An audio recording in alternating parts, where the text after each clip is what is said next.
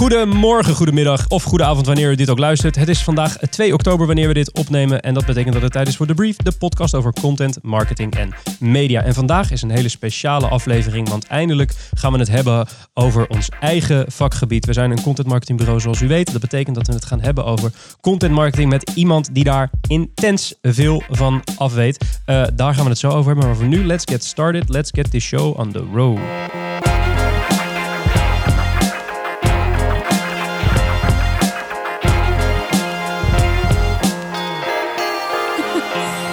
Brief. Terug in de studio aan de Herengracht in de kelder. Het is een beetje warm. Hij heeft een wit shirt aan, zit aan mijn linkerhand. Uh, Matthijs uh, Tielman, je bent lekker bruin. Ik gok dat je net als Frank vorige editie op vakantie bent geweest. Jazeker. Waar, waar ben je geweest? Het was Portugal deze keer. Portugal? Yes. Portugal. Was het lekker weer? Ja, was beetje, mooi. Beetje domme vraag. Kan het iedereen aanraden. Wat heb je allemaal gedaan? Uh, eten, drinken, slapen. een beetje gesurfd. Oké. Okay. En verder uh, veel zon nog zien. Oh, Oké, okay. lekker, lekker, lekker. En uh, dan heb je op zo'n strand content, zit, lig, lekker, content liggen consumeren. Ja, denk gewoon een, een, heel ouderwets boek weer eens een keer. Ah, van papier? Ja. Leuk. Ja, ja. Vertel. Het was ook uh, eentje van 800 bladzijden. Dus twee weken was, Uitsloot was precies genoeg. Nee, het was echt een heel mooi boek. Het is geen leuk boek in die zin. Het, het boek heet Een Klein Leven. Prachtig verhaal. ja, supermooi. Heel tragisch verhaal. Maar uh, ja, gewoon in één keer uitgelezen. En uh, zo'n boek dat je af en toe gewoon geen zin hebt om, om naar het restaurant te gaan. Omdat je eigenlijk liever gewoon nog even dat hoofdstukje extra wil, uh, wil doorlezen. Maar waar gaat, waar, waar gaat het over? Het gaat over, moet ik even kijken dat ik niet te veel weggeef. Maar een man, of eigenlijk zijn het vier vrienden. Die kennen elkaar al vanaf hun eerste studiejaar. En die volg je door hun hele leven. En ehm, ja, ik kan wel weggeven dat er één van hun een vrij tragisch leven heeft gehad. En het is eigenlijk hoe dat die hele vriendengroep beïnvloedt. En uh, ja, super mooi geschreven. Echt zo'n boek. Dat, ik had het uit dat je een beetje baalt dat je het uit hebt, zeg maar. En, ja. Uh, ja, uh, neem er de tijd voor. Prachtig verhaal. Een klein leven was yes. het. Oké, okay, gaan we opschrijven. Gaan we opschrijven. Aan mijn rechterhand zit zoals altijd de gast. Dat is dit keer professor Dr. Ed Pelen, partner bij en medeoprichter van ICSB Marketing en Strategiebureau uit Rotterdam. Schreef meer dan 15 boeken over marketing, waaronder Economy of Experiences, Event Marketing en Kijk op klantgerichtheid en nog een hele hoop meer dus. Maar, en wat is eigenlijk de reden waarom hij hier voornamelijk zit, sinds 2015 de enige bijzonder hoogleraar content marketing aan de faculteit Maatschappij en Gedragswetenschappen aan de UvA. Ed, hoe is het? Goed. Gaat het goed? Hele mond vol, hè? Ja, het is Ja. echt een, een, Ja. eh, een, een, een introductie van je. Van wel. Maar ik kwam er goed uit, toch? Ja hoor, Ben ik, iets, ben ik iets vergeten? Nee hoor. Zijn het ook, die- zijn het ook ik, ik vroeg me af, het zijn meer dan 15 boeken die je hebt geschreven. Eh, eh, wat is, is er een favoriet? Is er een boek waarvan je zegt, nou, die, die moet men in ieder geval... ge- Nee, niet gehoord- meer. Er was er een die dat is, maar die is een beetje outdated. Ah, oké. Betekent dat dat er een nieuw boek aan zit te komen? Eh, er komt een boek over content marketing eh, Ah. aan, maar daar help ik alleen bij. En dat is eh, van Emma Michiels en Marcia Gerritsen. Ah, spannend, spannend. Ja. Is dit trouwens de eerste keer dat je te gast bent in een podcast? Podcast wel, ja. Ah, ja. maar radio heb je al vaker gedaan? Ja. Oké. En webinars. Ah, spannend. En luister je podcast? Heel af en toe. Heel af en toe. De brief vanaf nu natuurlijk. Ja. Ja, precies, ja. Helemaal goed. Gaan we nu naar het nieuws en dan gaan we daarna verder met je babbelen.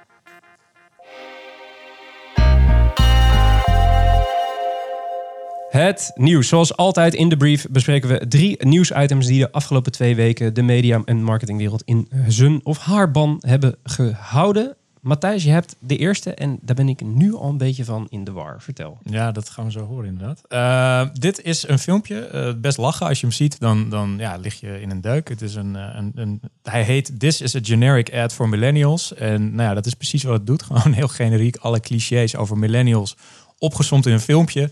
Eh, ja, je lacht je best wel kapot, eh, omdat je ook heel veel herkent en alle clichés eh, ja, tegenkomt. We houden als millennials van dansen, we houden van iets met roken op het strand. En met, met allemaal hele vreemde dingen. Ga het filmpje kijken, ik kan het, kan het niet uitleggen. Maar de catch is eigenlijk een beetje dat al deze generieke dingen komen uit de database van een bedrijf dat heet Dissolve. En wat doet Dissolve? Die verkopen stokfilmpjes. Eh, dus deze hele advertentie is gemaakt met stokbeeld wat je kunt kopen bij Dissolve. Dus eigenlijk zegt Dissolve over zijn eigen product van wij maken dingen eh, met heel veel clichés erin. Eh, Koop nu een abonnement bij ons. Dus Ja. dat was een beetje... Jij liet hem, jij liet hem net voor de uitzending, liet je hem aan me zien. En er zit ook een, een voice-over overheen die een soort bijna ironisch of sarcastisch, beetje cynisch zelfs, eh, tekstjes eh, over millennials aan het uitblaten is. We understand you, you give about causes and so do we. En het is echt een aaneenschakeling van clichés en bijna een, een soort van kritiek op dat steltje. En ik Ja. moest er heel hard om lachen. En toen kwam de punchline. Toen dacht ik, hè? Maar jullie verkopen deze... Je zegt dus eigenlijk eerst, dit is troep. En daarna zeg je, ja, die troep kan je trouwens hier bij ons in de winkel kan je die halen. Ik vond het echt een hele rare... eh, en ze hebben er meer, toch? Ze hebben er ook ja, eentje van... ja, het is een hele serie van. Je hebt ook eh, generic eh, brand ad. En, en zo zijn er een aantal. Dus ze hebben daar een soort serie van gemaakt. Maar eigenlijk is dus hun hele campagne-insteek van. Ja, we bashen een beetje ons eigen product. En ja, hopen dat je het daarna gaat kopen. Maar wat vind je er zelf? Wat vind je ervan? Eh, nou ja, het valt wel op. Weet je, het is, het is eh, ja, ga er maar aan staan. Hoe verkoop je een stokbeeld databank? Eh, dat vind ik al een behoorlijke eh, uitdaging, want niemand houdt van stokbeeld, Nee. denk ik. Dus als dat je product is, hoe verkoop je dat? En in die zin vind ik het wel een interessante angle die ze gekozen hebben. Ja, de vraag is alleen, hoe effectief is dit? Ja. Het, als we het zo omschrijven aan, aan je, een filmpje bestaande uit stokbeelden en met een voice-over erheen, overheen die een beetje stokbeelden in de zijk neemt, afkomstig van een stokvideobureau. Is, klinkt dat dus iets van een... Jullie herkennen je er allebei in, in het filmpje. Absoluut. Dus Ja, het raakte. ja, ja. dat, is maar, het begin, dat is het begin van eh, effectieve communicatie. ja. Ja, maar het is bijna een soort spoef op de reclamewereld, zeg Ja. maar. Dus de Maar mensen... past dat ook juist niet in deze tijd? Ja. dat zou kunnen. Dat zou kunnen. Ja, dat zou kunnen. Ik, ik moet zeggen, ik herkende me er heel erg in. Zowel als een reclamemaker als als millennial. Eh, ehm, en ik vond het heel grappig. Ik dacht namelijk eerst dat het van een soort van de speldachtige site afkwam. En toen kwam die punchline en toen dacht ik, hè? Eh, dat is een heel vreemde... Maar misschien is het inderdaad... Het past in de tijdsgeest. En, en ik denk misschien is het... eh, ik weet niet precies wat hun doelgroep is. Maar misschien vinden eh, jonge founders of start-up owners dit wel heel erg leuk. Ik heb, ik heb hem denk ik uitgevogeld, wat de strategie is. vertel. Eh, wat zij natuurlijk doen, is ze maken dit filmpje. Wij als eh, eh, advertising industry, die eh, lezen natuurlijk allemaal de ad ages en al die websites. Ja. En zij maken nu gewoon deze video, omdat zij zeker weten dat die op die sites terecht gaat komen. Ja. En wie lezen al die dingen? Dat zijn wij. Ah. Dus Kijk, wij zijn de doelgroep en we zijn bereikt. exact. Ja. Ik weet nu wel wat Dissolve is. Hebben en die al onze luisteraars ook. Hebben En- die, maar dan is wel de volgende vraag: is, zou je er dan iets vandaan kopen? Als je, Nou ja, kijk, stel, als we je krijgen naar- morgen bij de agency krijgen we een eh, aanvraag voor een klant en daar is dit materiaal van die stokhut is daar een goede oplossing Nou voor? als, Dan- jij, als je überhaupt als stokbeeld moet gaan gebruiken, dan doe je dat denk ik liever bij een bureau wat eh, leuk is. Dus uiteindelijk, ik zou wel gaan kijken. Godsamme, hebben ze, ons, ze hebben ons toch. Ze hebben ons toch. Ja, dat is goed, eh, goed om te weten. Nou, tweede, tweede nieuwsitem eh, eh, van, van, van vandaag, of deze aflevering moet ik zeggen. Het draait om LL Bean. Dat moest ik eventjes opzoeken. LL Bean is een, een aanbieder van outdoor kleding en attributen en gaat over het buitenleven. Die hebben een krantenadvertentie in de New York Times gezet vorige week, als ik me niet vergis. Ehm, en die draaide eigenlijk om eh, hun slogan Be an Outsider. Als je die krant binnenlas, dan zag je op die full page ad die slogan staan. Dus Be an Outsider. En de tekst Just Bring This Outside. En die tekst Just Bring This Outside was een beetje verspreid over de pagina. En verder stond er eigenlijk niks op de pagina. Maar je kreeg als gene, als lezer van de krant dus wel de opdracht... joh, breng dit ding even naar buiten. Nou, wat gebeurde er dan als je dat ding naar buiten bracht? Dan verschenen er door het licht... want ze hadden met speciale inkt... eh, wat waarschijnlijk reageert op zonlicht, gok ik... eh, eh, verschenen er allemaal andere letters... En die vormden een soort manifest, een soort reclameboodschap. En leuk, spannend. En, dat stond op, op Business Insider. Of kwam dat volgens mij? Waar stond het op? Nee, Matthijs, help me Adweek stond het op. Ja. Ehm, en dat, eh, dat, dat, dat, dat viel mij op. En ik dacht er wel gelijk bij. eh, en ik denk dat we deze kreet moeten coinen in deze show. Is dit nou voor kan of is dit voor de klant? Matthijs. Ehm, Ofwel hebben ze dit gemaakt om reclame awards te winnen. Want dit vinden wij natuurlijk fantastisch en creatief en leuk en kek en oh, wat slim bedacht. Eh, maar gaan we hier nou meer outdoor spulletjes doorverkopen of niet? nee. Dus jij zegt kan. Ja. Ed? Ik vind het heel leuk, maar ja. Ik zou de bereikcijfers wel eens willen weten hoeveel mensen hebben het echt gezien en zijn ermee naar buiten gegaan. Ja. En ook hoeveel mensen hebben er daadwerkelijk... En er ontstaat free publicity omheen. Dat is waar. Maar wij, wij de- deze dus, dus interessant. We hebben deze, ja, dat, dat sowieso. Alleen, eh, we hebben wel altijd een beetje de indruk dat die free publicity zich toch voornamelijk Ja, eh, in het eh, doelgroepje. in het, in het marketingvakje Ja. zich afspeelt. Eh eh, dat is een interessant. Maar jij denkt dus, op je gevoel, klant of kan? Eh, kies ik voor klant. Klant. mooi, uit- mooi uitgebalanceerd. Ik, ik durf, ik, want ik durf het eerlijk gezegd niet, eh, niet te Nee. zeggen. Ik vond het qua creatie wel echt, eh, echt goed bedacht. Het is echt heel creatief omgaan met een, eh, eh, met een middel als papier, vond ik. Zeker. Abs- absoluut. Pluimpje, pluimpje. Eh, Yes. eh, eh, derde nieuwsitem van deze editie, Matthijs? Ja, YouTube gaat, eh, en dus Google gaat iets moois lanceren, namelijk de Director Mix. Wat is de Director Mix? Dat is een nieuw advertentieproduct. En dan moet ik even opletten dat ik het goed ga uitleggen. Wat, je, wat we nu doen op YouTube, je upload je commercial, die is gewoon af. Die duurt 30 seconden of een minuut, die wordt afgespeeld. Wat gaat, ga je met Director Mix doen? Eh, je gaat alle losse elementjes van je commercial ga je uploaden. Dus je uploadt de video eh, los, je uploadt eh, de voice-over of een aantal versies van je voice-over upload je los. En zo doe je dat met, met alle elementen van je commercial. Director Mix gaat die commercial automatisch uitserveren aan bezoekers op basis van hun voorkeur. Dus op deze manier, met al deze variabelen, ontstaat er van één advertentie eh, ja, ze zeggen zelf duizenden versies die afgestemd kunnen gaan worden op, eh, ja, op jouw behoeften. Als jij gegoogeld hebt naar een ski resort en vervolgens nog een keer gekeken hebt eh, waar je heel goed kan snowboarden, dan kunnen zij dus gewoon die hele advertentie automatisch gaan afstemmen op wat jij wil. Ja. En ja, dat, dat ik weet niet, het, het is bijna beangstigend, maar dit is toch wel een beetje de, de, de holy grail van eh, ja, customized marketing waar we naartoe Mhm. gaan. Ja, ik ben, ook, ben- ik ben ook benieuwd of die algoritmes uiteindelijk zo goed kunnen worden dat ze menselijk inschattingsvermogen op, op creatie dan hè, specifiek eh, kunnen eh, verslaan. Ja, je zou bijna denken dat ze dit programma moeten koppelen aan die Dissolve database. En dat ze dan vanzelf commercials Een kunnen soort van monster dat alleen maar stokfoto advertenties eh, uit gaat lopen poepen. Eh, eh, ik, vraag het me, ik vraag het me echt af. Ja, het is, wat, waar ik een beetje bang voor ben, is dat je dan... Dat betekent dat je namelijk in je creatie bepaalde compromissen moet gaan doen. Want ze moeten door dat machientje heen en, en ze moeten... eh, Zeg maar één onderdeel, zeg maar het beeld, moet wel corresponderen met enigszins met alle varianten eh, in die voice-over. Wat betekent dat je concessies gaat doen in het beeld.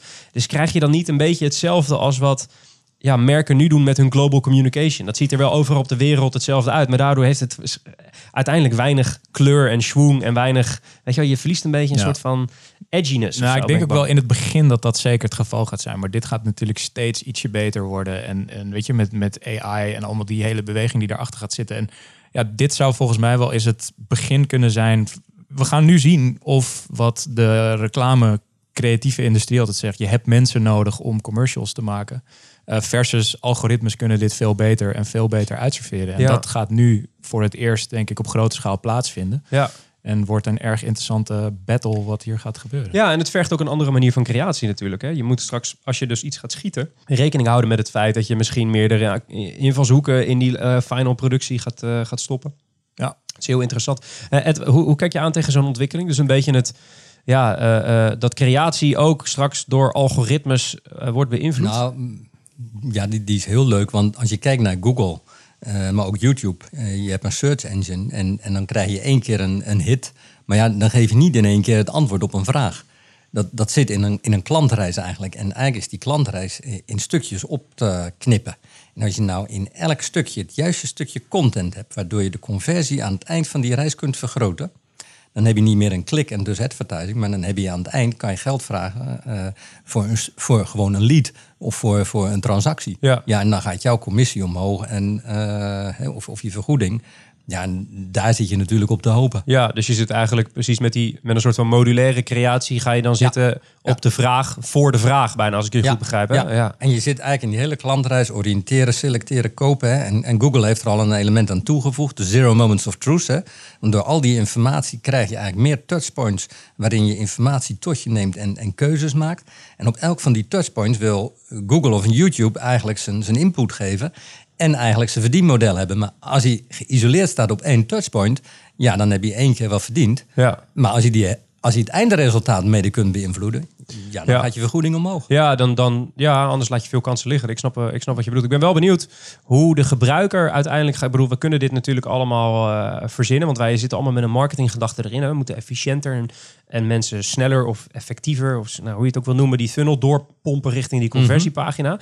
Maar ik ben benieuwd hoe de gebruiker, dus zeg maar de, de normale eh, eh, gebruiker van het internet, hierop gaat reageren.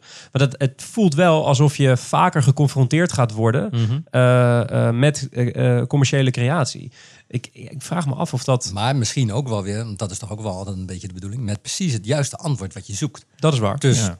Met, ze zoeken wel altijd naar wat helpt jou. Ja, dat is waar. Dat is waar. Ja, je, kan, je zou kunnen zeggen, je hebt in principe, eh, je bent als bezoeker meer aan het beïnvloeden welke Mhm. reclame je daadwerkelijk voor je kiezen krijgt. Dat, dat is altijd mijn argument tegen vrienden op verjaardag. Als ik zeg dat ik in de reclame werk, dan is men altijd heel erg boos op retargeting. Dat is nog Mhm. Ja. iets waar Ja. mensen heel Ja. erg boos op worden. Eh, dan zeg ik altijd, wat heb je liever? Een wereld zonder reclame Mhm. bestaat niet. Nee, daar zijn ze het dan over eens. Nou, wat heb je liever? Reclame die enigszins is aangepast op jouw voorkeur en gedrag? Of reclames die totaal uit de lucht komen Mhm. Ja. eh, gevallen? Ja, Wat, wat, wat wil je dan? Nou, dan is het Maar dan- mag op een gegeven moment ook de content tussen zitten die geen advertising is, maar de reviews of, of de visies van anderen of Ja. een vergelijkingssite. En dat zijn allemaal stukjes content in zo'n journey die precies maatwerk zijn. Precies.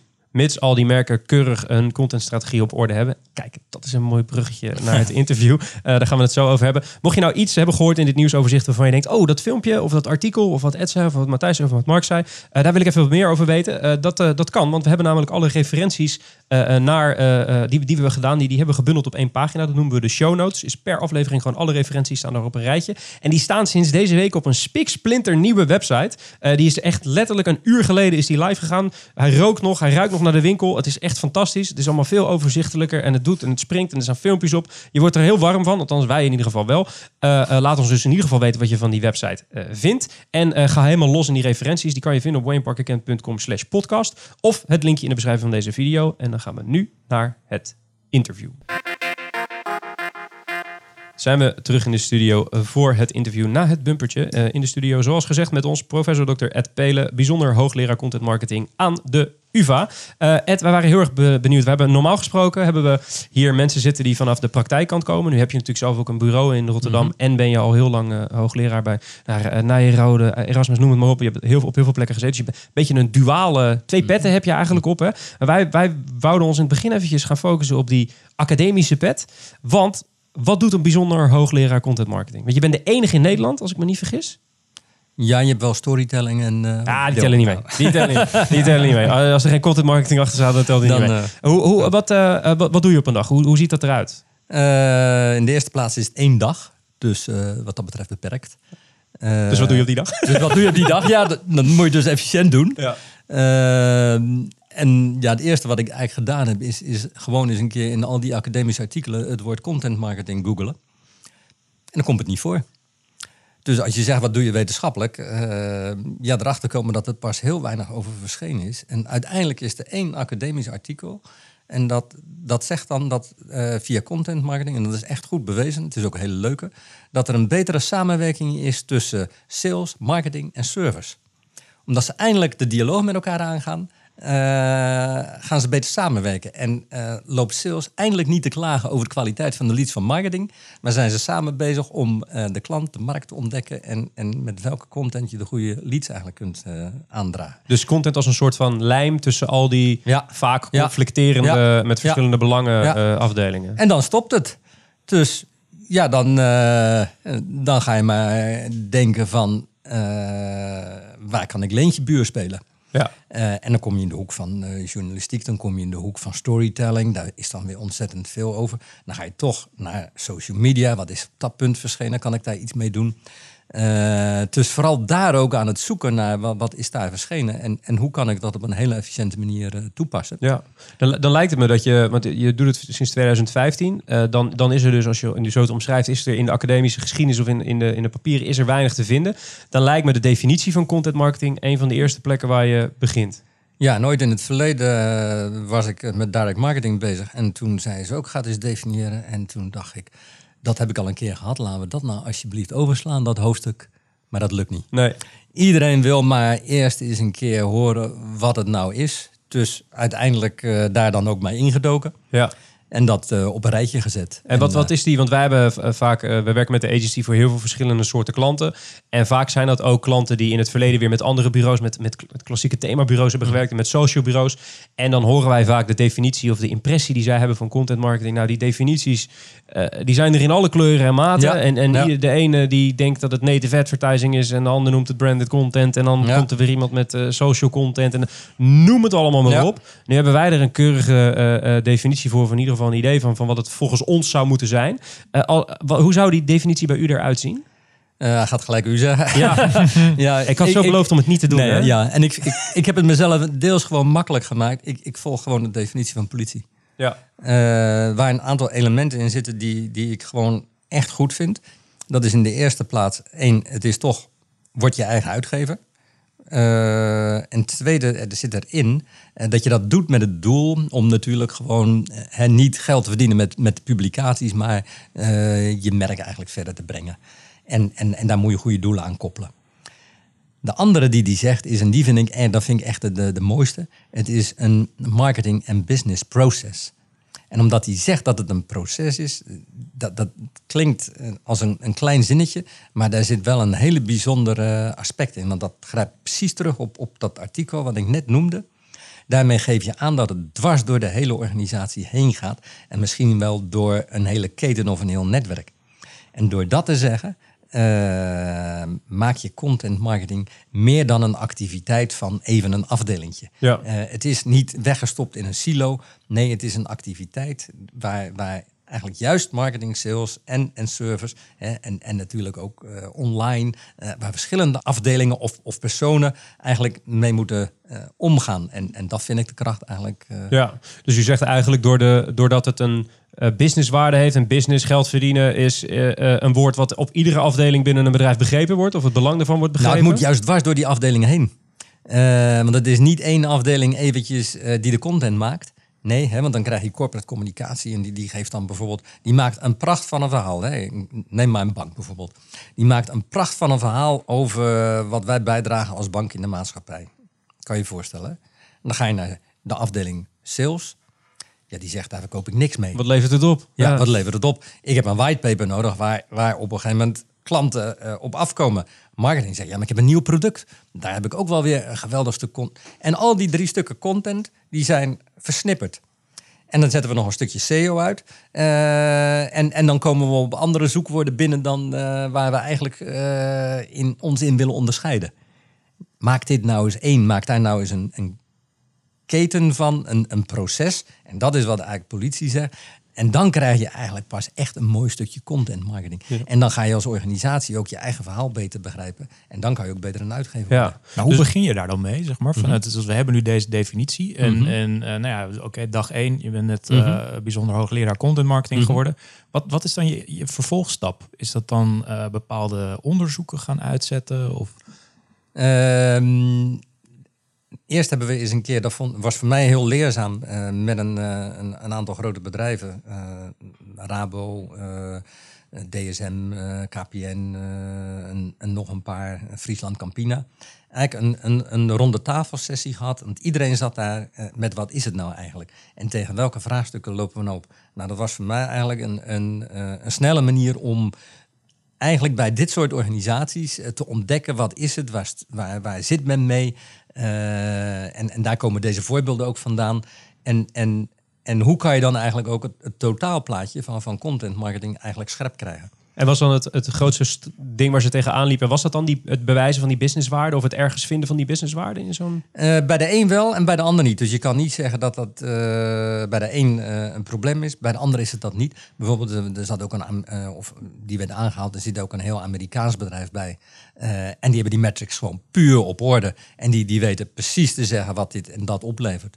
Eh, maar je hebt vaak genoeg discussies met Nederlandse bedrijven waar dat totaal niet, eh, niet lukt. Ja. Dus En dus dan, dus dan eh, komt u binnen, dan heeft u die, die definitie heeft u erin geramd. U bent met het... nee even- hoor, niet met die definitie. Nee, Nee? nee. Nou, nee. dat evangelie van Joe Pollutie, laten we het zo noemen, daar komt u mee in de nee, hal. nee, nee, nee. Ook niet. Nee. Oké. Dan, nou, u heeft de regels vastgesteld waaraan u content marketing zou willen zien Dit was echt meer een open discussie. Eh, om te ontdekken waar zit je mee en, en, en wat reken je er toe en wat reken je er niet toe. Ja. En, en dan kom je op een gegeven moment ook wel natuurlijk op, op hoe krijgt een, eh, en, en daar zaten de meeste van toen, van corporate communicatie, de aansluiting met de rest. Eh, in hoeverre moet je dit allemaal gaan plannen? Wat voor type content heb je nodig? Hoe krijg je het accountable? Hoe blijf je toch flexibel? Eh, je kent ze wel, al Ja. dat soort vragen. Gewoon de basisvragen van wat hebben we precies nodig en wat moeten we Ja. doen om hiermee aan de, aan, de, aan de gang te gaan. Ik kan me goed voorstellen, eh, eh, wij, wij, zitten, wij komen natuurlijk van de, van de praktijkkant. Mhm. En bij ons is het iedere keer, iedere ochtend eigenlijk als we onze laptop opengooien en we zitten het nieuws te bekijken, dan lijkt onze markt weer totaal veranderd. Mhm. Dat lijkt me voor een, een academicus nog moeilijker om een markt te, be- te bestuderen die zo, zo erg in beweging, beweging is. Hoe, hoe, Ja, hoe doet u dat? Eh, nou, ik richt me wel voor een deel ook juist op die strategische kant. En dan kom je eigenlijk weer terug op dat integrale strategisch verhaal. Van wat is jouw verhaal? Als je dat verhaal scherp krijgt, hè, dat moet niet alleen jouw verhaal zijn, maar dat moet aansluiten op wat jouw niche-publiek eigenlijk interessant vindt. Eh, en, en in hun journey, hè, eh, als ik dat verhaal scherp krijg, dan, dan weet ik ook wat ik moet gaan creëren. En natuurlijk dat er dan weer andere formats en andere kanalen nodig zijn en alles en nog wat. Maar laten we proberen dit verhaal scherp te krijgen. Dan worden we pas echt een goede uitgever. Want dan weten we wat onze titel is. Dan weten we wat ons publiek wil. En, en dan hoe we het dan eigenlijk organiseren en realiseren. Dat komt wel. En, en hoe voorkomt u dan, want ik, ik, ik hoor de klassieke marketeers of de klassieke communicatiemensen hoor ik denk als u dit zo zegt, Mhm. ja dat is mijn corporate story. Wat, is dan het, het, wat zou het verschil zijn tussen de story die u Mhm. nu omschrijft eh, eh, en, en die corporate story? Wat is daar precies het verschil tussen? Ja, dat is dat je aan de ene kant dus... eh één is er een, eh, één uitdaging bij veel corporate stories... dat het alleen maar de corporate story is van, om even zwart-wit te zeggen... van de oprichter, die niemand interessant vindt. Dus het gaat om eh, niet de bedachte story... maar de, de story die, die doorleefd wordt... en die, die ook juist omarmd wordt door, noem het maar, dat, dat publiek dat je wil raken.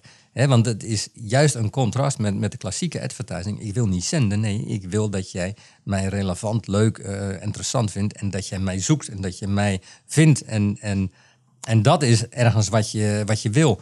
Dus die corporate story, ik vind het prima als je hem zo noemt... maar hij moet wel niet bedacht en niet vanuit de, de zender komen... maar juist ook Vanuit de ontvanger. Ja. Ja. Ja. Ja. En ehm, nou ja, we moeten dingen gaan maken die je klant leuk vindt. Eh, Mhm. Klantgerichtheid is natuurlijk iets wat we al best wel lang horen. En daar heb je volgens mij best wel veel over geschreven in het Mhm. verleden ook. Ehm, je hebt een hoop mensen opgeleid in dat vak. Ja. Ehm, maar ik heb toch ook een beetje het gevoel dat het nog steeds niet helemaal goed gaat bij bedrijven. Hoe kijk je daar tegenaan? En nou maak je het breder van content naar een Nou, stukje... kijk, content vind ik een heel mooi voorbeeld, Ja. want dat moet je maken. Eh, Het werkt alleen als jij iets schrijft wat je lezer interessant vindt. En in mijn optiek moet alle marketingcommunicatie zo zijn. Zijn, ja. Ehm, je moet me niet storen, je moet me iets geven waar ik iets aan heb. Ja. Ehm, maar ja, dat is feitelijk, eh, zou dat al heel lang geleden zo bedacht moeten zijn. En, Nou, je, je zit in een transitie. Hè. We komen uit een, en dat is misschien al wel weer lang geleden, maar we komen uit een tijd dat er eigenlijk media schaarste was. En onze hele communicatie, onze marketingcommunicatie is gericht op schaarste. Dus wij gingen onze berichten kleiner, kleiner, kleiner maken, zodat je het verhaal in 20 seconden kon vertellen. En, en dat betekent dat je eigenlijk het hele verhaal bijna kwijt aan het raken bent. En omdat de media schaarste was, eh, jij had de toegang tot het medium, de consument niet. Dus je duwde het doorheen. Nu zie je dat er een overvloed aan media is en dat consumenten net zo makkelijk, het is zo laagdrempelig, allemaal kunnen communiceren. En dan zie je ineens dat er een ontzettend veel social is. En voor je, als, je, als je dan eh, als bedrijf eventjes niet meedoet, dan, moet je, hè, dan kan je aanhaken. Hè, maar dan sta je tussen het publiek. En je bent niet meer aan het zenden, want dat is duur en, en, en dat, dat negeren ze. En, en nu met eh, content marketing ontdek je weer, wat is mijn verhaal? Ik kom er als eigen uitgever weer tussen staan en ik ga zorgen dat ik mijn volgers krijg. Eh, ik ga mij in dit nieuwe medialandschap eigenlijk profileren eh, en de dialoog aangaan met mensen op een manier die past in deze tijd. Ja. En dat is een behoorlijke verandering die we stapsgewijs best, denk ik, eh, aardig zetten. Dus ik ben niet zo negatief van, eh, lukt ons steeds maar niet. We, lo- Eh, we lopen, je- we lopen je ook een beetje te pest hoor. Ja. Nee, waar, waar, de vraag, waar de vraag vandaan komt is omdat wij, eh, wij zijn prekers van het evangelie van politie, om het zo maar even te zeggen. Mhm. Eh, en waar wij op, eh, vaak tegenaan lopen bij klanten is dat ze willen heel graag eh, aan content marketing doen. Daar geloven ze in. Als Ja. ze het uitleggen, snappen ze het helemaal. Ja. En dan komt puntje bij paaltje. En dan schieten ze toch in de houding van... Ja, maar het, eh, logootjes en de Mhm. corporate message moet erin zitten. En schieten ze weer helemaal terug van, Ja. van, van binnen naar buiten communiceren. Om het zo maar te zeggen. Ja. Maar u zegt eigenlijk... Die houding is er zo ingesleten door die oude kanalen... en dat het oude denken. Dat duurt gewoon even voordat het Mhm. is omgedraaid. Dat is eigenlijk wat u zegt. Ja, en dan zie je dat met communicatie dan een heleboel partijen zich ermee bemoeien. Daarom is het eigenlijk ook dat, dat proces. hè. Eh, en er zitten er altijd een paar bij die, die, die misschien nog wat meer van de oude stempel zijn. En die zeggen, ja, ik betaal liever wat voor paid media, maar ik weet wel dat werkt. Zit hem dat dan ook in die silo's, zeg maar, die dan nog niet doorbroken zijn? Zoals Dat afdeling zit- ja. marketing, die wil heel graag. En dan hebben Ja. we corporate die zegt... Kan, oh, kan marketing zijn. Ik zal het niet gelijk in, in dat hokje zetten. Het kan ook eh, een, een, een, een, eentje op een hoger niveau zijn. Eh, het kan uit verschillende hoeken komen. Ja. Eh, en, en dat kan er zeker in zitten, waardoor je nog niet die, die balans hebt gevonden. En, en dat proberen te krijgen van, van die integrale benadering. En, en hè, misschien zeg ik dan, oh, we zijn weer terug bij integrale marketingcommunicatie. Ja, misschien wel, maar dan in een andere medialandschap. Jasje, ja. Eh, dan zie je wel weer, en dat, dat, dat regel je niet even 1, 2, 3. Hè. Dat, dat is een groeiproces. Eh, maar je ziet bijvoorbeeld wel, dat vond ik een heel leuk voorbeeld, eh, dat schijnt van Skoda te zijn. Daar zie je dat in de, de coördinatie content marketing nu eigenlijk in de driver's seat komt te zitten. Dus het is niet meer branding die, die stuurt. Nee, het is echt content marketing gaan ze nu proberen. Die mag eigenlijk dan ook de, de branding gaan aansturen en de rest van de communicatie. En, en dan krijg je misschien wel weer dat het integraal gaat worden, dat je eigen verhaal en het doorleefde verhaal, dat dat eigenlijk sturend mag zijn in, in alle communicatie. En dan organiseer je dat natuurlijk op een nieuwe manier, maar dan krijg je wel misschien. Ja. Ja, ja, je ziet, ja, je ziet het al een beetje in die, in die laatste uiting van, eh, van Skoda. Daar zit een, dat is een ander soort auto-commercial dan dat je eh normaliter ziet in de bergen met eh, weet je, die drone shots die waarschijnlijk ergens eh, nabij Los Angeles, want daar is het wat goedkoper om te schieten omdat de studio's daar zitten, eh, eh, gemaakt is. En dat pompen ze heel de wereld over. Dit is echt een ander soort commercial. Zullen we in de, in de show notes ook even opzetten. Grappig, het was mij, eh, was mij ook opgevallen. Eh, u zei net al... Helemaal het verhaal begrijpen doe ik nog niet. Nee? van het- Skoda. Maar ja, nee, het- dat, dat moet nog rijker, het denk moet- ik. het Maar er nog- zit meer achter, denk Het ik. moet nog, Ja. Moet nog eh, eh, rijken. Ik moet hier een heel klein beetje eh, mijn mond houden vanuit mijn andere pet als content marketeer en niet de presentator van deze show. Ehm, eh, maar dat is, daar zit meer achter, inderdaad. Ehm, eh, eh, u zei net al van we, we, zijn al wat stappen aan het zetten hè, in dat van meer van, van buiten naar binnen denken. Mhm. Wat doen we nog meer goed in content marketing anno 2017, volgens u? Ik denk dat we, als je kijkt en als je de voorbeelden ziet ontstaan, en, en die vind ik best leuk, dat je echt eh, merkbeloftes ziet ontstaan en die worden doorvertaald naar content, die zijn echt wel vanuit eh, de, de, de consument bedacht. Dat je als merk nu gaat zeggen van wat zijn mijn claims richting consument. En niet meer vanuit het product, niet meer vanuit benefits, niet meer vanuit mm, superioriteit. Nee, vanuit eh, wat, wat betekent dat voor, voor, voor, mijn, voor mijn gebruikers, mijn klanten of voor mijn publiek. Daar vind ik wel mooie ontwikkelingen. Daar. Eh, heeft, heeft u een voorbeeld van een merk wat, wat, die beloftes goed vangt in hun, in hun communicatie? Eh, ja, eentje die, eh, die heeft ook wel mooi doorgevoerd en, en misschien wel makkelijk ook. eh, blijft, vind ik, Nutritia. Eh, maar er zit ook Danone achter. Empowered moeders. En je ziet dat heel die eh, eh, content er ook op gericht is om, om onzekerheid weg te nemen, vragen te beantwoorden eh, voor aanstaande moeders. de voeding, hoe groeit de kleine. Dus je ziet dat allemaal in, in die content terugkomen. Ja, die zijn helemaal gaan zitten op die moeders, gekeken naar wat, wat zijn hun problemen, wat zijn hun uitdagingen en hebben dat eigenlijk doorgevoerd in wat, wat, wat ja, nou groeit je voldoende en ben ik een goede moeder met onzekerheid, de voeding, heb ik dat allemaal goed? Hoe zorg ik ervoor? Ja, ja, ja, ja. En, en ja, wij hebben ook wel eens het gevoel ehm, dat content marketing op dit moment is natuurlijk het hypewoord in, in de marketing business. Iedereen roept het. Ja, of was dat verleden jaar? Ja, kan ook verleden jaar geweest. Het gaat snel, hè? Sommige, sommige mensen die, eh, zijn die, die algoritmes van Facebook, die laten niet alles door. Dus sommige Ja. mensen krijgen die nieuwsberichten nu pas. eh, wij, wij lezen in onze filterbubbel alleen maar over content marketing. Ja, maar het is best wel een hype. En, en zo'n hype kan ook best wel schadelijk zijn voor, Ja. voor de industrie. Ehm, hoe, hoe kijk jij daar tegenaan, zeg maar, vanuit het ja, of- academische? ja, inderdaad, vanuit de academische wereld. Hoe, hoe, hoe wordt er tegen jou aangekeken? Is het, is het, nemen ze het serieus, is eigenlijk mijn vraag. Jazeker, collega's, ja, zeker. Maar iedereen vraagt zich wel af ook, eh, wat is er nou bijzonder aan? Eh, ben jij ook niet net zoals wij gewoon met communicatie bezig? Eh, waarom eh, zet je het apart?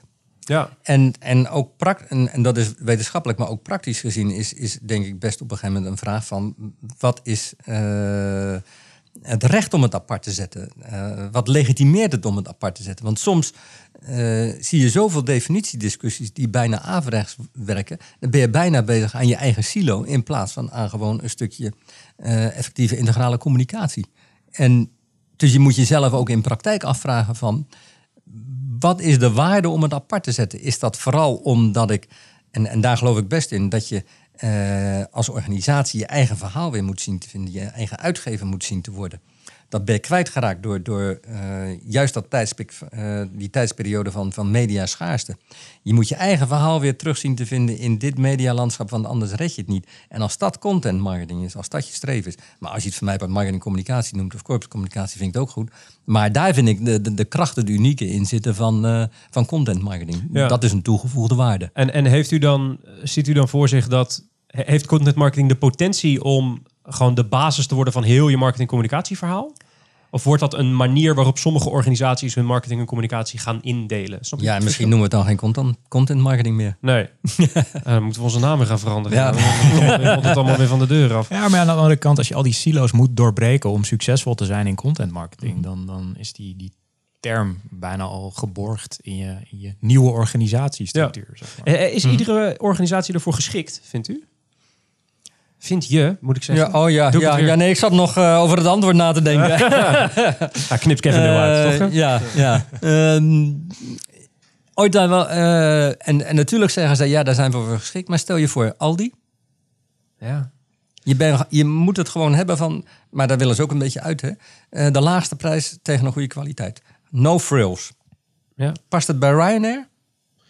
Eh, ik, weet, ik weet ja. Bijna misschien wel, hè? Als ze gaan uitleggen hoe beschadigde koffers terugkomen. Ik wil net zeggen, Matthijs heeft net gevlogen met een. eh, die heeft de hele dag al geklaagd over dat hij met een budget eh, airline, wiens naam we niet gaan noemen, eh, eh, heeft gevlogen. Nee, ja, dat is een hele goede vraag. Of, wat- heeft men aan het heritage verhaal eh, eh, eh, van een. eh, een, eh, een tafeltjesfabrikant of weet ik nou, dat is misschien een slecht voorbeeld. Maar er zijn sommige bedrijven die in mijn optiek ja, er misschien niet zo heel erg voor geschikt zijn. Mhm. Maar is het dan niet gebonden aan, aan merk? Zeg maar de, de grote merken, de Nike's van deze wereld, die, die echt een verhaal moeten verkijken. Ja, Bij ja. Aldi is het simpel. Het is gewoon, wij zijn de goedkoopste, kom maar lekker langs. Nou, jij dat- was luid, eh, juist laatst een interview vanuit het AD voor de MKB'er. Eh en, en daar kwam de journalist met een heel leuk voorbeeld van een schoenmaker. En, en hij gebruikte het onvoldoende, maar er lag zo'n kans voor hem. Maar op zijn toonbank stonden een paar bergschoenen die hij totaal gerestaureerd had. En die waren van een mevrouw die daar de hele wereld mee over had gelopen. En, en die heeft daar gewoon totaal haar leven eh, zien veranderen. Nou, dat is toch een... Dat is een prachtig verhaal. Ja, Ja. en dat hij met zijn vakmanschap dat gewoon eigenlijk oppakt. Nou, dan zie je toch, hey, hier komt eh, de, de inside en de outside kant komt perfect samen. Ja. En, en dat kan heel klein dus eigenlijk al. Ja, maar ik bedoel, ik, Mhm. ja, ik denk dat dat ook misschien niet het goede voorbeeld is om dan Nike te noemen. Maar meer Mhm. Inderdaad zo'n verhaal ook. Maar kijk, een schoenmaker 1 en schoenmaker 2. De ene zal misschien zeggen, bij mij is het voor 12 euro geregeld. Mhm. Ja. En die andere zegt, ja, bij mij kost het 30 euro. Maar ik ben wel een vakman en jouw schoen komt als nieuw weer terug. En, Mhm. en kom naar mij en betaal dat premium. Dus misschien dat je dat, dat merk premium, wat je normaal moet betalen, wat je ook bij Nike betaalt Mhm. Ja. en, en dat soort merken overigens. Dat je dat eh, heel erg kunt gaan claimen door je verhalen en door je... Ja, en dan zit je nu nog in het verhaal van de producten eigenlijk. Hè? En, en je moet eh, uit die hoek van alleen maar de, de producten, hè? want de meeste producten zijn commodities geworden ook. Dus je wil wat producten doen in de leefwereld van, van je gebruikers. En daar zitten de echte verhalen. En als jij daar iets aan kan bijdragen, dat jij kan zorgen dat dat leven beter wordt, hè? Of, of dat bedrijf of dat proces, ja, dan heb je de, de, de waarde van, van je content te pakken. We hebben het niet over die schoen en hoe mooi die gemaakt is, maar alle reisavonturen die die vrouw dankzij dan- die schoen heeft kunnen En dan mag je er nog een stukje passie van die schoenmaker met zijn vakken eraan toevoegen. Hoe die daar dan eh, eh, zich helemaal uitleeft en, en trots dat dan ook neerzet daar op die toonbank. ja. Mooi. Verhalen maken. Dan kom ik automatisch een beetje uit op eh, eh, de verschillende vertelvormen. Ik, ik ben van huis uit ben ik zelf journalist. Dat zeg ik volgens mij, volgens mij iedere uitzending. Ik ben er ook heel trots op. Eh, ehm, maar we, we hebben zien natuurlijk wel in de opkomst van content marketing dat heel veel nieuwe vertelvormen tevoorschijn komen. Mhm. Eh, de, de advertorials, native advertising, branded content, Mhm. hoe je het ook wil, eh, hoe je het ook wil noemen. Ehm, eh, daarin heb je altijd een bepaald spanningsveld tussen de journalistiek en content marketing. Mhm. Branded journalism noemen Ja, sommigen het ja, ook. ja. Hoe kijkt u daar tegenaan? En Denkt u dat ehm, eh, content marketing bepaalde functies van de journalistiek zou kunnen overnemen? Of is dat eh, gevaarlijk om dat zo te stellen? Ik denk dat het al gebeurt. Eh, en niet alleen door content marketing. Je ziet nu al dat bepaalde uitgevers die in de, de zakelijke markt zaten, die zijn content marketingbureaus geworden. En die bieden hun expertise aan, aan, aan merken.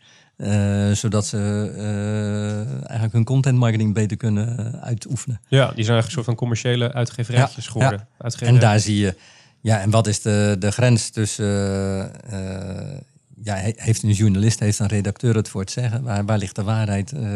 Je had het in het begin over de millennials. Ja, geloven die in autoriteit of geloven die wat een groep zegt? Ja, dat is, ja, dat is een goede vraag. Ik denk ook dat het voor sommige vormen van journalistiek... Kijk, eh, CNN moet je niet laten maken door eh, eh, Monsanto. Ehm, eh, Maar waarom zou... eh, eh, dat moet je, Waarom nou weer Monsanto? Ja, weet ik. ik. Ik dacht aan, aan iets evils en toen kwam dat tevoorschijn. Volgens sommige mensen is CNN overigens even evil als Monsanto. Maar goed, op die websites zullen we niet naar verwijzen.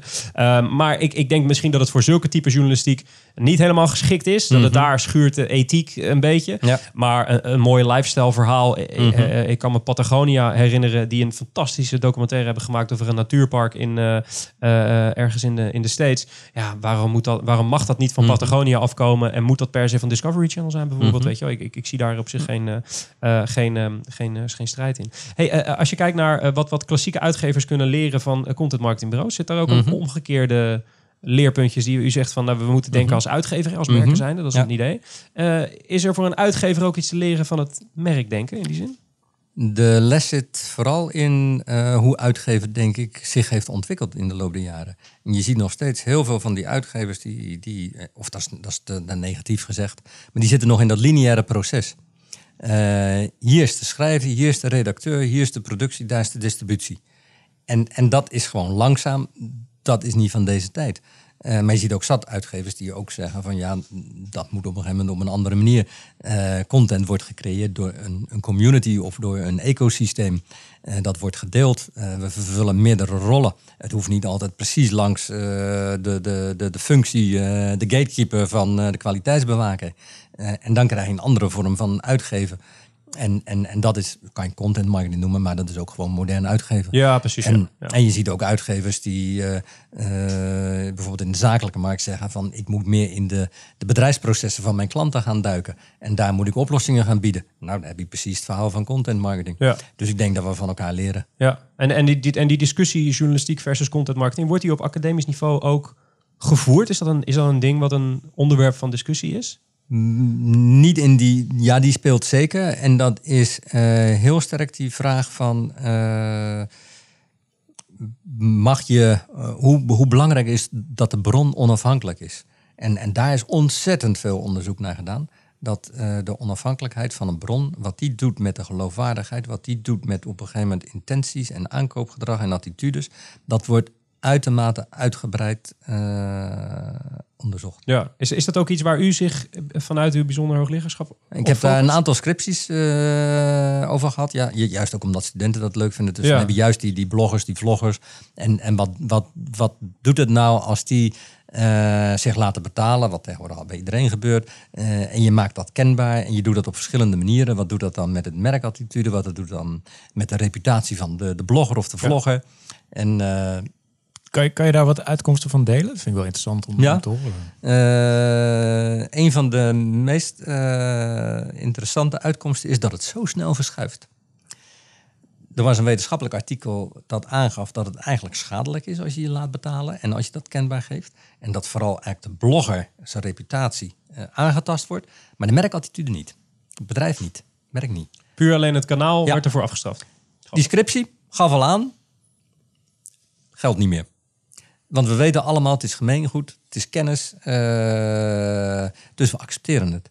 En nu zie je alweer bijna een stadium dat we het misschien toch weer niet gaan accepteren. Nee. Eh, dus je ziet hoe snel dat soort eh, uitkomsten eigenlijk verouderd zijn. Ja, ja ik, denk, ik denk ook dat een hoop ervan afhangt. Het doelgroep zal meespelen. Wij, wij werken Mhm. zelf veel voor merken die zich richten op een jongere doelgroep. Daarin zie je meer reclametolerantie, mits het transparant wordt aangegeven. Dat Ja. is heel, vinden ze heel Ja. belangrijk. Ja. Eh, merkaanwezigheid aan zich is totaal geen probleem, Nee. mits het maar niet wordt weggemoffeld. Bij de wat oudere doelgroepen zie je weer een, een wat sterker journalistiek, ethisch bewustzijn. Ja. Eh, om, Ja. Ik omschrijf het een beetje raar, maar Ja, jullie begrijpen wat ik bedoel. Ja, ja. Eh, dus dat is grappig en het zal waarschijnlijk ook ja, verschillen in hoe je dat, hoe je dat onder, het, onder het voetlicht. Ik vond het wel leuk in een van die studies, dat was ook juist over cosmetica. Hè? Dat je eigenlijk een derde had van de volgers die, die hè, want je hebt een grote groep die zeggen, was ik maar net zoals die vlogger? Eh, of ik ben net zo, hè? Wij, wij zijn eh, lookalikes. eh, eh, en er was een derde groep die eigenlijk gewoon zat te wachten totdat het een keer verkeerd ging met haar. Ja? Oh, wauw. dat, is heel, dat is wel heel erg, heel erg, heel erg bitter. Ja, en, ja, ooit iets verkeerd gegaan in die relatie. Een soort En, ramptoeristen. ja, Maar, maar ga ik dan iets te kort door de bocht dat ik zeg van als merk ben je in ieder geval veilig. En als jij een influencer bent, dan moet je heel erg opletten dat je... Dan ga je wel weer iets te snel. Dan in, in, eh, gegeven de variabelen die meegenomen zijn in zo'n studie, ja, klopt dat. Maar eh, ga niet buiten de bandbreedte, want dan eh, kan je toch behoorlijk op je bek gaan. We hebben, ik, ik, ik, ik las van de week, het is heel makkelijk dat u ook fan bent van Joe Paluzzi. Want dan weet ik gewoon dat ik door kan gaan in deze nieuwslijn. Want hij schreef eh, op zo'n blog van de week over de trends eh, die hij zag in 2018 op het gebied van content marketing. Ehm, eh, original content was er eentje van. Merken gaan meer eigen content maken. En hij haalde daarbij Apple aan als een van de voorbeelden. Eh, merken zouden ook meer media properties gaan kopen. Dus merken die eh, media outlets gaan kopen om hun bereik dan wel, dan wel bereik, dan wel IP. De marketing afdeling als winstmachine. Dus men ga, merken gaan geld verdienen met marketing. Ja. Eh, eh, budgetten die wat wereldwijd worden ingezet in plaats van eh, bij lokale initiatieven. En oplopende spanningen, daar hadden we het net al heel even over, tussen PR, marketing, communicatie, content en social afdelingen. Omdat iedereen nu doorheeft dat social werkt, en, of eh, content werkt en ze willen het nu allemaal bij elkaar houden. Dus de gevechten op de afdelingen eh, voorspelde pollutie. Ehm, Twee vragen eigenlijk over die voor- voorspellingen. Eh, zit er eentje tussen waarvan je denkt, nou, daar, daar, daarin... nou, die eh, laatste, om die er even uit te pikken, of het nou echt gevechten worden op de afdeling. Ik denk dat dat juist wel meevalt, want je ziet steeds vaker dat, eh, dat er in eh, agile en scrum teams wordt gewerkt. En daardoor breng je juist op een hele eh, praktische manier alle partijen bij elkaar. En je ziet daar hele leuke resultaten mee. Dus, dus ik, Het zijn eerder vriendschappen die er gaan ontstaan dan... Ja, dat denk ik, of dat hoop ik, maar of ik zie het ook wel. Eh, pak je er nog eentje uit. eh, dat is eigenlijk, en je noemde het marketing, maar ergens is het content marketing. Hè? Ja, Wordt ja, dat een, een, een, een business op zich? En dat zie je best bij een aantal bedrijven. Je ziet het eh, sterk bij retailers. Natuurlijk alle handen als voorbeeld genomen bij Albert Heijn. Maar daar zie je heel sterk dat men het gewoon ook gewoon ziet als een, een zeer profijtelijk businessmodel. En je ziet andere retailers die dat gaan volgen. Dus, dus eh, helemaal mee eens dat dat speelt. Ehm, heb je het over het kopen van media properties. Eh, en we hadden het net ook over uh, koop dadelijk Apple, uh, Walt Ja. Disney. eh, Ja. of Disney. De grote vraag Ja. in content marketingland. Gaan ze het ooit ja, doen? Ja. Wat, wat, wat Disney heeft gedaan en wat wel heel aardig is, is die hebben eh, ergens geïnvesteerd in een bedrijf eh, dat eigenlijk al die eh, social eh, heroes maakt. Eh, omdat die ook ontzettend veel geld waard zijn. En, en misschien zit daar nog wel meer in dan alleen het kopen het- van media properties. Dan het, eh, dan het media property eh, Ja. deel. Nou ja, goed, eh, alleen al aan IP, en daar zullen die social heroes dan Mhm. ook bij horen, is Disney natuurlijk een goudmijn voor Apple. En als ze één ding nog, ja, nog niet heel erg zelf hebben, is het IP, hoor, los van hun tech Mhm. dingen dan. Maar dat zou heel interessant zijn, zeker als ze hun eigen mediakanalen gaan, gaan, zo dik gaan uitrollen als dat men doet vermoeden. Zit er een, ziet u een andere spannende ontwikkeling voor 2018 die Pollutie niet heeft opgemerkt? Oeh, ik weet niet welke die... eh, Eh, ik, ik kan ze nog, ik kan ze nog ja, ja, ja, ik heb er op drie gereageerd. Hè? Ja, ja, we hadden original, Eh, original content, dus merken Of ja, ja nee, er zit er eentje tussen, ja. Want hij, die vind ik wel juist heel interessant. Dat is, moet je niet op een gegeven moment een soort ecosysteem of een, een, een set van partijen gaan vormen. die complementair zijn en, en dus ook op verschillende plekken actief zijn. Die samen eigenlijk de content gaan creëren. En, en niet eh, gewoon één leuk klein voorbeeld, Museum TV. En het is echt nog een start-up. Maar daar zie je dat verschillende partijen worden samengebracht. Dat is één, een sponsor. Dat is twee, degene die de ticketing doet. Dat is drie, eh, de, de musea zelf. En vier, die doet ook nog mee eh, KPN voor het vergroten van een stukje bereik. Juist. En dan heb je wel vier type partijen bij elkaar eh, die jou de kans geven om, en dat kunnen meerdere titels zijn, maar om een aantal hele mooie publicaties rondom Juist. cultuur, kunst eh, te maken. Is dit, is dit dan niet een, een Tof. mooi content initiatief van KPN dan? Die Nee, nee, het is een start-up. samenwerking. Het is een start-up. Oh, mooi. Maar, en dit geef ik als voorbeeld, maar je ziet het in, eh, in meerdere hoeken dat, dat dit nu een aanpak wordt om, om de content marketing vorm te geven. Want die titel die komt wel, maar als je die partijen hebt samen, hè, en dat, dat was ook uit een van die eerste eh, ronde tafels eh, waar ik het in het begin over had, daar zag je ook van, hey, de governance, hoe krijg ik governance van alle contentbronnen voor elkaar? En, en nu zie je dat een aantal partijen daarmee gaan beginnen. En dat dan de titels en, en, en, en de rest en de media en de platforms en de formats, dat komt dan wel eigenlijk. En, want hier zit ergens eh, je resources, je assets, waarmee de partijen waarmee het gaat samen doen. Ja, ja nou, het is op zich, ze vullen elkaar allemaal aan. Hè? Want ik kan me voorstellen dat het KPN heeft natuurlijk eh, heel veel geld. En waarschijnlijk ook wel afzetkanalen. Maar misschien heeft moeite met het IP zelf maken. Dus Mhm. in, in die, die, zo'n museum heeft het IP. Of in ieder geval het IP van al de dode schilders.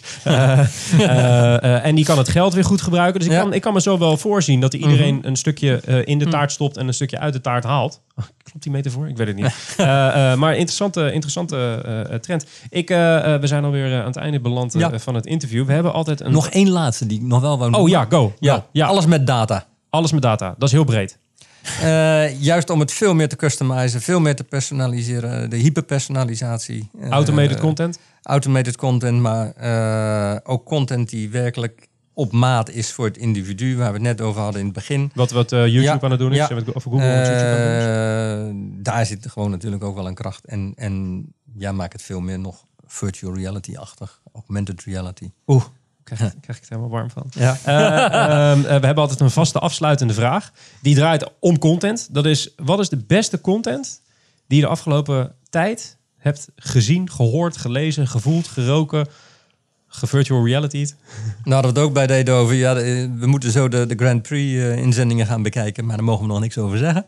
Ah, spannend. Ja, maar een hele kleine, die, die hoorde ik van de week, die vond ik wel weer... En, en, en niet over al die grote, hè, want eh, je kan alle Googles en Apples, en die hebben de mooiste voorbeelden natuurlijk. Maar ik vond wel heel aardig, eh, vanuit de hoek van Vodafone Ziggo, eh, volgens mij was het rondom de, de Game of Thrones. Die zenden ze uit. En mocht je de eerste vijf series, en ik heb zelf nooit gezien, dus misschien zijn er vier of zes, gemist hebben, dan hebben ze ook heel leuk een, een bot gemaakt waar je de vragen kunt stellen. Zodat je gelijk weer bij bent. Eh, maar er zitten ook van die dingetjes in dat je eh, even half een selfie maakt en dat je volgens mij eh, eruit ziet als een van die spelers. Dus je- ja, dus die vond ik wel geinig. Erg tof. Ma- Matthijs, ben je een beetje fan van, eh, van Game of Thrones? Ik ben alweer helemaal bij. Oh, je, bent- je hebt, dus je hebt die bot helemaal niet nodig. Nee. Nee. Ik, Eh, ik, ik, ben gestopt, ik ben gestopt in uh, aflevering uh, van seizoen 3 volgens mij. ga maar niet naar al die familienamen vragen, want eh, ik snap het zelf af. Oké, nou, dan- dan gaat, eh, gaat Sven die allemaal in de show notes zetten. En heeft hij een mooie klus morgen, morgenochtend. Hey Ed, hartstikke bedankt voor je komst Ja. naar de studio. Heb je het, heb je het naar je zin gehad? Ik heb het naar mijn zin gehad, ja. Kijk, dat is het belangrijkste. Kom snel weer een keer terug, want dan houden wij de markt scherp in de gaten. En dan kijken we of we op één, op één, lijn, op één lijn zitten. Nogmaals, nogmaals dankjewel. Dan gaan we nu naar eh, onze enige rubriek, de Slow Win. Maar eerst even dit. Deze podcast is een initiatief van Wayne Parker Kent. En bij Wayne Parker Kent zijn we altijd op zoek naar talenten die ons kunnen versterken. De openstaande vacature van deze week is Junior Ad Operations Executive. Kijk voor alle vacatures op wayneparkerkent.com slash jobs of klik op het linkje in de show notes van deze aflevering. Terug in de studio bij onze enige rubriek en dat is de Slow Win. En de Slow Win is een, eh, een, column van onze eh, zeer gewaardeerde co-host, in dit geval eh Matthijs Tielman, Strategy Lead bij de agency. Ik heb nooit enig idee wat er gaat komen. Het idee is dat het een pluim is of een veerindeen bips voor een instantie, een persoon, een bedrijf die het de afgelopen twee weken heel erg goed heeft gedaan. Zoals gezegd, ik heb geen flauw idee, maar Matthijs, take it away. Ja, voor deze, eh, je kent hem stiekem al een beetje. Maar eh, ik moet eh, mijn goede vriend Michael Anito hiervoor bedanken. Die kwam met de tip. En het gaat over Arsenal Fan TV. Ehm, dat is een kanaal. Ik zie Mark hier lachen. dat is een YouTube-kanaal. Dat is opgericht in 2012 door, door Robbie Lyle. Een hele relaxte kerel. Oud radiohost. samen met zijn cameraman Tel. Of Tal. Of nou ja, iets.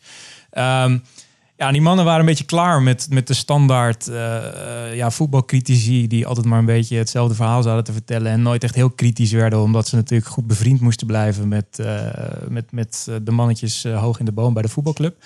Ehm, ja, en zij hadden zoiets van, willen gewoon een keer die, die ongezouten meningen van de fans, waar ze in het stadion met een biertje in de hand over kletsen, die willen we vangen. Eh, nou, dat hebben ze gedaan. Ze hebben letterlijk een eh, camera geleend, nog met een, met een videobandje erin in, eh, in, in 2012.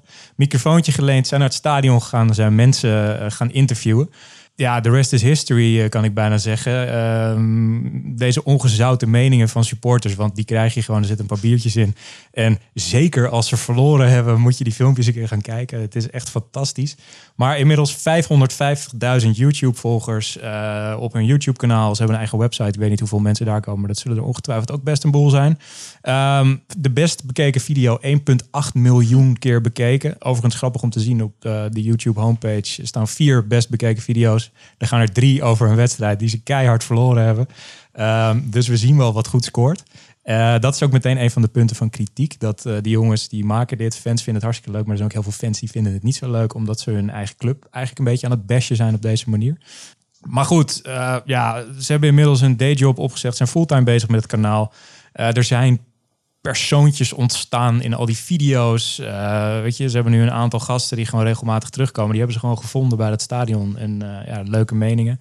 Maar het mooie is dat ook eh oud-spelers van Arsenal, Thierry Henry, de legende, die, die doet af en toe ook mee. Dus die komt gewoon langs. En zelfs commentatoren van andere eh, shows komen gewoon langs bij hun in filmpjes. Omdat ze dan eh, ja, hun mening die zij verkondigen op de BBC of op die andere kanalen. eh, daar gaan ze dan over in discussie met Arsenal Fan TV. Ehm, ja, al met al vind ik dit echt een fantastisch, fantastisch kanaal. Je, het is volledig onafhankelijk van Arsenal zelf. En dat vond ik wel heel mooi. Waar de clubs zelf vaak niet heel veel verder komen dan een, een, zwaar gecureerde behind-the-scenes video. Eh, de wedstrijden zelf, eh, of af en toe een interviewtje met de spelers, wat, eh, waar ook een pers, perspersoontje naast staat. Ja, zijn deze gasten, die hebben gewoon die, die content sweet spot gevonden. Waar zitten je fans op te wachten? Die willen gewoon de mening van, van de mensen op straat. Die hebben ze gevonden, die hebben ze uitgebuit. En ja, dat doen ze hartstikke goed, hartstikke mooi. En inmiddels is het in Manchester ook opgepikt. Daar hebben ze de Fulltime Devils. In Liverpool is er Redman TV gelanceerd. Ehm, ja, en ik, ik heb een beetje het gevoel dat de voetbalclub zelf een beetje de boot hebben gemist. Weet je, Eh, de mensen die je club groot maken, die uiteindelijk de shirtjes kopen en dat soort dingen aan het woord laten in je content. En content maken die die mensen graag willen zien, eh, is in mijn optiek een taak die de, die de club zelf had moeten doen. Maar dat hebben ze niet gedaan. En daar zijn deze mannen eh, bovenop gesp- gesprongen. En vandaar de slow win.